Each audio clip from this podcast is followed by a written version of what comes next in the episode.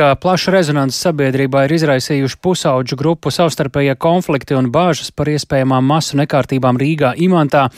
Todēļ svētdienas vakarā policija pat bija izsludinājusi trauksmi. Šobrīd galvenos kūdītājus policija sakās noskaidrojusi, trauksme atcelta, bet darbu tiesības sargi turpina pastiprinātā režīmā.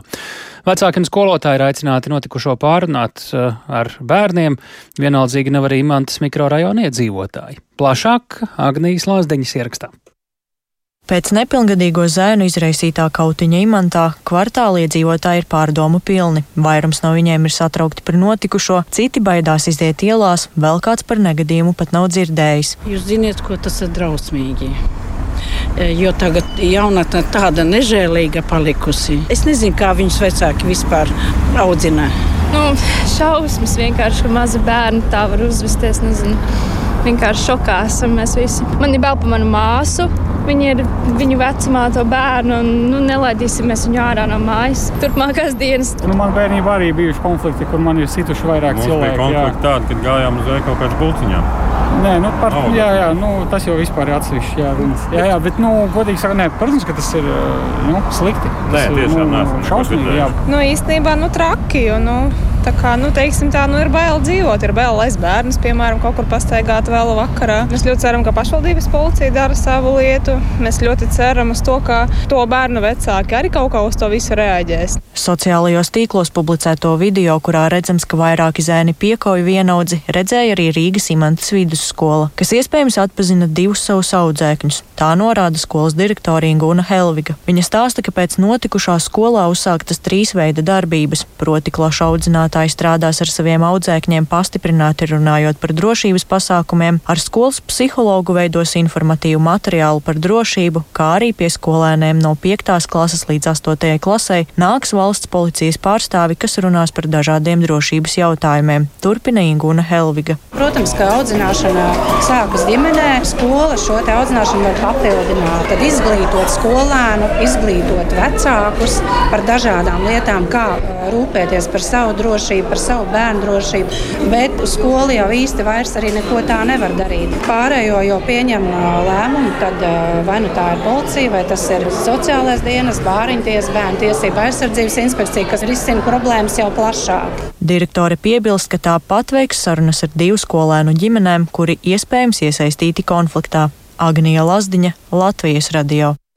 Valsts policijā šodien Latvijas radio apstiprināja, ka jauni incidenti ar jauniešu pulcēšanos vai vardarbību ne imantā, ne arī citos Rīgas mikrorajonos nav konstatēti, un situācija tiek rūpīgi monitorēta. Policija turpina darbu ar jauniešiem, skolām un vecākiem. Vienlaikus nevienam jaunietim šobrīd arī nav ierobežota iespēja apmeklēt mācību iestādes. Par jaunāko stāsta valsts policijas Rīgas reģiona pārvaldes priekšnieks Juris Staļģevits. Ir, kā jau iepriekš izskanēja, šie divi uzsāktie krimināli procesi par huligānismu. Viens pa 5. māju, un arī saistībā ar vakardienas izpausmēm ir uzsākts arī krimināla process par to pašu pantu huligānismu. Gan vakardien, gan šodien tiek veikts pietiekami daudz procesuālās darbības, gan ar uh, lieciniekiem, gan arī ar iespējamām vainīgām personām. Viņu ir pietiekami daudz, tie pārsvarā ir nepilngadīgi bērni, tiek maksimāli skatīts video kameras, meklēt vēl liecinieki, kas varētu mums sīki detaļās norādīt gan sākumu, gan arī nobeigumu tam visam. Tie jautājums, vai mums ir skaidrs, visi iesaistītie šie nepilngadīgie, kas bija masu mēdījos šis video par šī puišu piekaušanu, tātad viss, gan tie bērni, kas nodarīja miesas bojājumu, gan arī, kas stāvēja blakus, visi viņi ir identificēti un lielākā daļa jau ir snieguši liecības. Bet tas notiek arī pašlaik, šodien un rīt. Vai jūs varat teikt, ka visi šie jaunieši, kuri ir, nu, ja tā var teikt, aizdomās turētie vai bijuši kaut kādā veidā iesaistīti, šobrīd tikpat mierīgi kā pirms svētkiem, joprojām joprojām sēž skolas solos. Mēs arī paši jau no rīta, šodien pirmajā darba dienā, esam bijuši vairākās skolās, runājuši ar skolu vadībām, direktoriem, ar sociāldarbiniekiem, pedagogiem par šo situāciju, bet kas attiecās tagad par to, vai kāds no šiem jauniešiem mums ir aizturēts 204. panta kārtībā un ievietots izolatorā, nē, nav. Ir pieņemtas liecības un uh, ir ar vecākiem palaisti uz mājām. Kas ar šiem skolēniem notiks tālāk? Kas ir tas, kas attiecas uz policiju? Kā jūs redzat, kādam tam ceļam būtu jābūt? Skaidrs, ka šī epizode ar šiem bērniem tas ir viens stāsts, bet apkārt, kā mēs zinām, ka bija iespējams iesaistīt un kaut kur vakar pulcējās arī pavisam citi bērni. Arī tāpat tās gan pilngadīgas, gan nepilngadīgas personas. Un tāpēc šodien mēs esam skolās, lai par to runātu, lai ne tikai policija savu vēstījumu nodod, bet arī iesaistot skolu pedagogus, vecākus, visi kopā nu, runāt, ka šādas pulcēšanās un atsaukšanās uz kaut kādiem aicinājumiem, tur savākties, tur kaut ko skaidrot, iet kaut ko meklēt, nu, tas nav pieļaujams.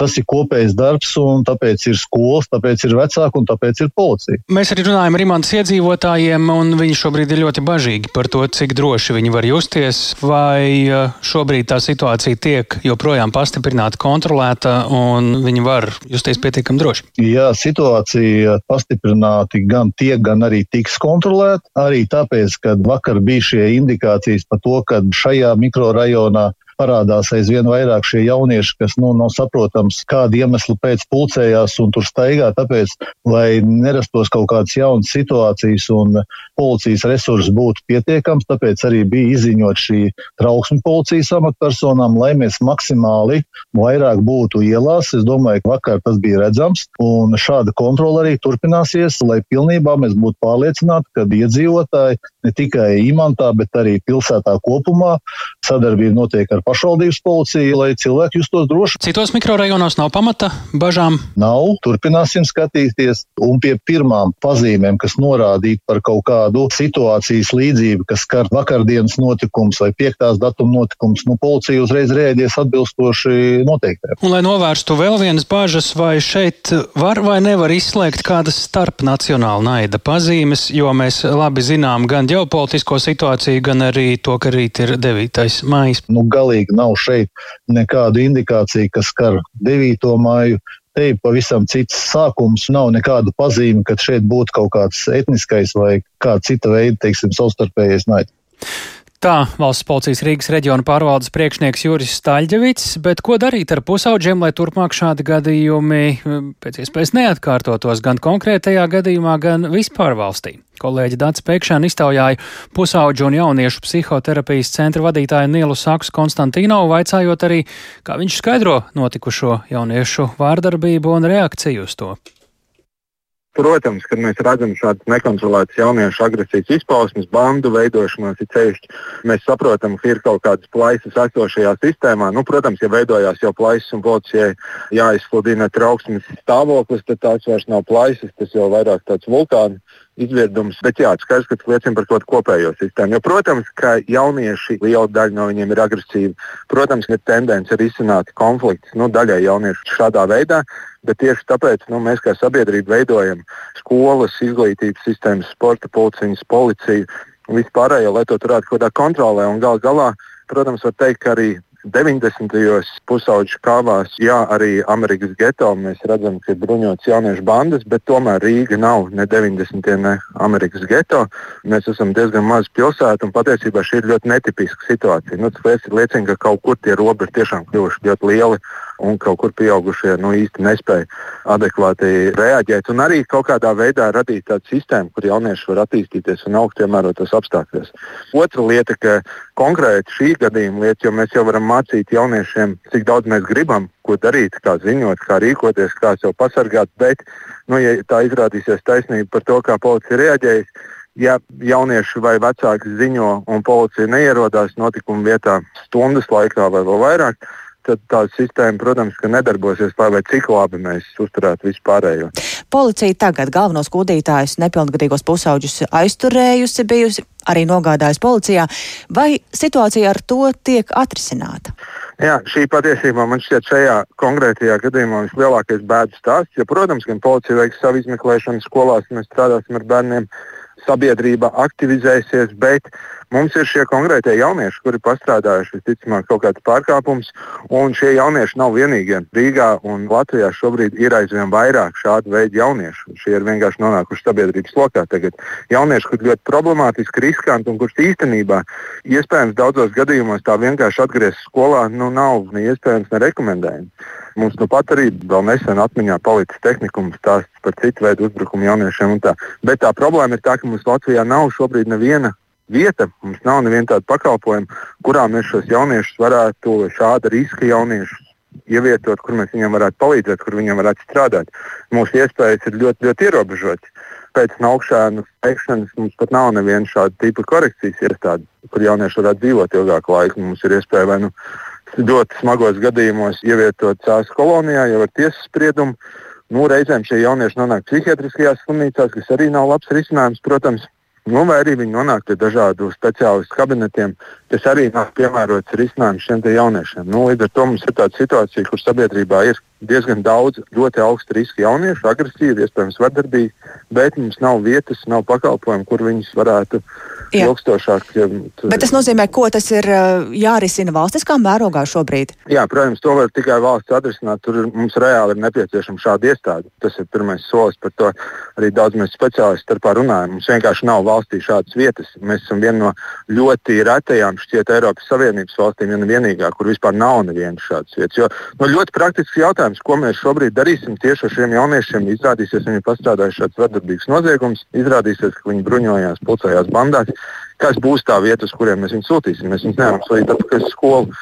Visticamāk, ģimenes ar viņiem netiek galā. Tas loģiski ko mēs ar viņiem darīsim. Un šobrīd mums nav nekas, ko mēs varētu ar viņiem darīt. Bet šāda iestāde noteikti būtu tāds ilgstošāks risinājums, ko mēs varētu darīt šajā brīdī, lai novērstu līdzīgus kautiņus tuvākajā nākotnē. Patiesībā ļoti, ļoti liels iespējas īstermiņa risinājumam būs tas, kā policija reaģēs.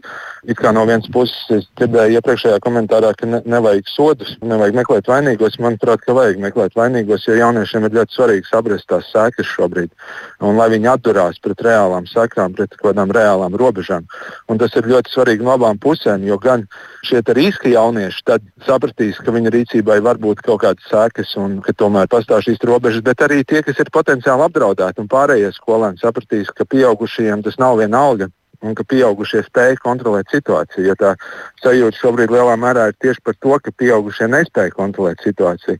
No nu, līdzīgi kā policija, kura ļoti pretrunīgas ziņas, piemēram, sniedz Un tikko jaunieši sajūt, ka pieaugušie nekontrolē situāciju, tā radās vai nu trauksme un bailes, vai arī radās nu, šādas vardarbīgas reakcijas. Vai jūsuprāt, tā reakcija no visām pusēm šajā brīdī ir bijusi adekvāta? Ja godīgi šobrīd man šķiet, tās reakcijas vēl tikai ienāk. Protams, ka pārsteidza policijas reakcija vakar, kas no vienas puses aicināja nesācināt situācija un nosauc to par tādu parastu bērnu strīdu, lai arī nu, tajā nav, protams, nekā parasta. Bet es domāju, ka mums ļoti svarīgi arī šodien, tuvākajās dienās, un to starp, kas būs tās lietas, ko politiķi paudīs, un to starp, ko vadošo sfēru varbūt ministri paudīs.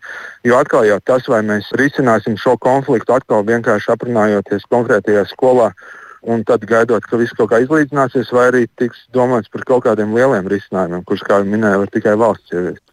Tā pusauģu un jauniešu psihoterapijas centra vadītājs Nils Saks Konstantīnos norādot uz to, ka Latvijā nav vietas, kas strādātu ar riskantiem jauniešiem. Šobrīd esam sazinājušies ar Izglītības un zinātnes ministrijas izglītības departamentu vadītāju Edīti Kanaviņu. Labdien! Labdien!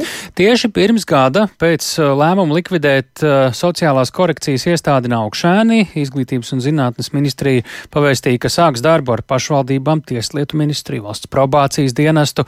Mērķis tieši šodienas kontekstā, lai stiprinātu sociālo dienestu kapacitāti un izstrādāt scenārijus, kā turpmāk ritēs tieši sociālā korekcija tiem jauniešiem, kuri jau ir pārkāpuši likumu. Tas bija pirms gada.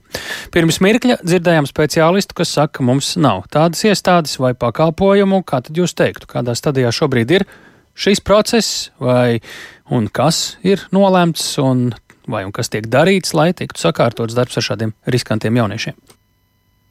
Jā, tātad šis laiks ir izmantots produktīvi, sadarbojoties tieslietu, aiz, tieslietu veselības, labklājības un izglītības ministrijām, tāpat piesaistot nevalstiskās organizācijas, ir meklēti risinājumi, kas būtu alternatīvam slēgtajai naukšēnu sociālās korekcijas izglītības iestādei, kur varētu sniegt atbalstu jauniešiem, un tiešām uh, strādāt ar cēloņiem, kāpēc jauniešiem ir antisociāla uzvedība, un, uh, un, un arī radīt vietu, kur šiem jauniešiem būtu uzturēties. Uh, tātad šobrīd tiek gatavots ziņojums par terapeitiskas iestādes izveidi, kur tiktu paredzēti pakalpojumi tātad, jauniešiem, kas tur tiks ievietoti, gan medicīniski, gan atbalsta pasākumi, gan uh, psiholoģiski pasākumi, gan rehabilitācijas pasākumi, protams, arī izglītības pakalpojums tiktu nodrošināts. Kad, kur šāda iestāde varētu būt? noteikti par jautājumu, kad un kur vēl nevarēšu atbildēt šobrīd, jo šobrīd tiešām tiek veidots plāns, kāda šī iestāde būtu. Bet šis izskatās pēc gadu vai mēnešu jautājumu. Šis varētu, jā, šobrīd ir plāns tātad līdz šī gada beigām izstrādāt stratēģiju, kāda šī izglītības iestāde, kāda šī iestāde būtu un ar kādu, ar kādu mērķi un ar kādiem uzdevumiem tā strādātu. Un savukārt nākamā gada nu, laikā šai iestādē būtu jāsāk strādāt. Jā. Nu, šeit dzirdējām speciālistus, kas saka, ka nu, ir jādomā, ko darīt tieši ar šiem konkrētiem šī incidenti jauniešiem, tā skaitā, ka nav viņus, ja izrādīsies, ka ir kaut kādā veidā ar viņiem jārīkojas, kur likt īsti šobrīd, vai šīs, šo pēdējo dienu notikumi, iespējams, ka ir arī vēl kādi citi, varētu būtiski pātrināt, vai šobrīd ir tā gan ir pirmā darba diena tagad ministrijā pēc šiem notikumiem, kādi, kāds jā, pazīmes, kas liecinātu, ka tas process varētu pātrināties?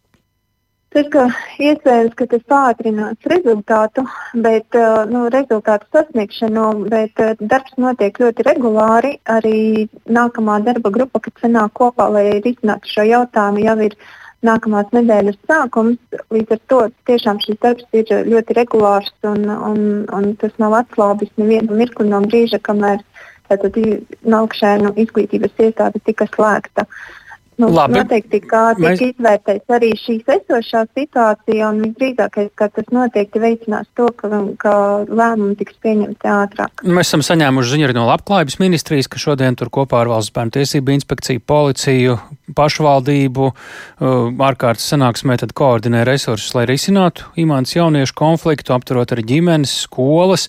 Uh, Ko izglītības ministrija redz, kas būtu jūsu daļa šajā, eh, tieši šajā konfliktā? Nu, kaut vai jautājums par to, vai šiem jauniešiem būtu jāatgriežas skolas solā. Viņi izskatās šobrīd tur tieši arī ir. Uh, izglītības iestāde ir vide, kurā mums visvieglāk vis, vis, sasniegt bērnu. Kā jau iestādes vadītāji minēja, noteikti šis ir jāizmanto kā iespēja, lai veiktu preventīvo darbu un ne tikai strādāt ar jauniešiem, kas ir iesaistīti konfliktā, bet tiešām preventīvi strādāt ar visiem jauniešiem, lai tādā veidā izvē, izvairītos no iespējamiem konfliktiem nākotnē. Izglītības iestādes noteikti šobrīd ir aktīvi procesa dalībnieki, lai tiešām izslēgtu un mazinātu iespējas šādām situācijām nākotnē atkārtoties. Citiem vārdiem varbūt pat labāk, ka viņi ir tieši skolā, nevis kaut kur citur. Paldies! Protams. Paldies par sārunu. To mēs sakām Edītē Kanaviņai, Izglītības un zinātnes ministrijas izglītības departamenta vadītājai. Arī mēs Latvijas radio ziņu raidījumos turpināsim sekot līdz šim stāstam.